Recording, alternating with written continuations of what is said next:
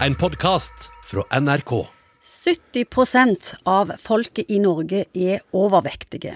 Det betyr at det fins utallige vonde kne i kongeriket vårt. Det merker vi veldig godt, fordi eh, vonde knær er vondt.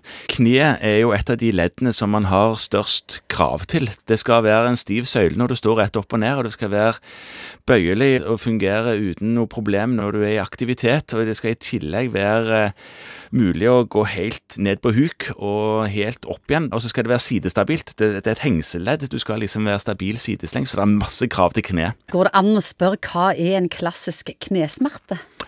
At det er vondt når du har satt i ro for lenge og du må bevege litt på kneet, og så er det samtidig vondt hvis du begynner å jogge, at du kjenner det litt i framme på under kneskjellet, liksom, og inni leddet der.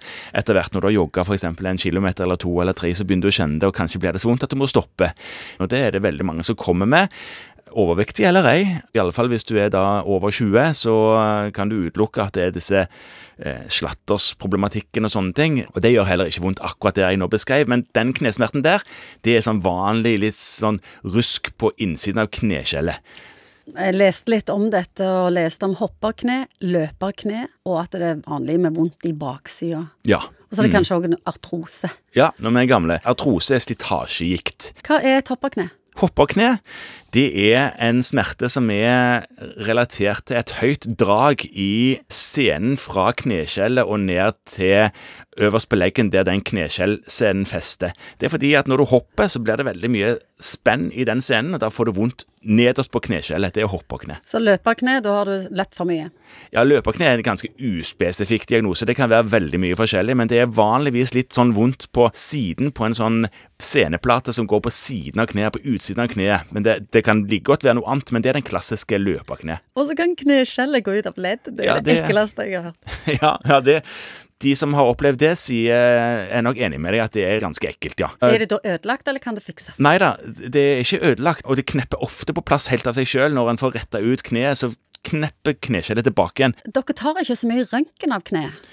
Vanlig røntgen kan det være tas av og til, men vanlige knesmerter trenger ikke vanligvis å um, utredes med billeddiagnostikk. Så der vet vi ofte hva som er problemet etter å ha gjort en klinisk undersøkelse og hørt på sykehistorien til pasienten.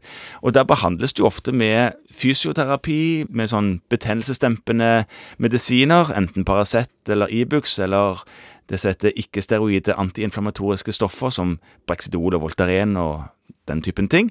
Kommer ofte ganske langt med det, og alternativ trening. Men det er jo det fysioterapeutene instruerer i. Så når du begynner å kjenne at du har vondt i et kne, så er det ikke sånn at du skal Oi, nå har det kommet for å bli. Nå vil du alltid ha en svakhet her. Du kan bli god. Ja da, du kan bli god, og du kan komme deg over på en annen måte og bruke leddet på som gjør at du fungerer helt flott lenge til. Hva skjer når du har vondt bak kneet, da? Kne er et ekte ledd. Alle de har en, en leddhule. Og den leddhulen den kan pose ut. Den blir en sånn utposning bakover. Det kalles en Bakers syste, og det er noen ganger et ubehagsfølelse i knehasen. Enten går, så sprekker den, og det går vekk av seg sjøl, eller så kan en gå inn og få røntgenlegene til å stikke ned nål i den mens de ser på med ultralyd, og tappe ut det som er der.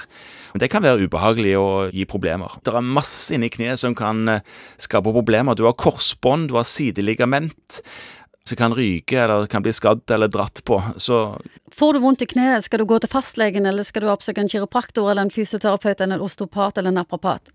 ja, alle de der er jo eh, interessante å søke råd hos. Hvis du lurer og trenger navigasjonshjelp, så syns jeg alltid, alltid, alltid fastlegen er et godt sted å starte.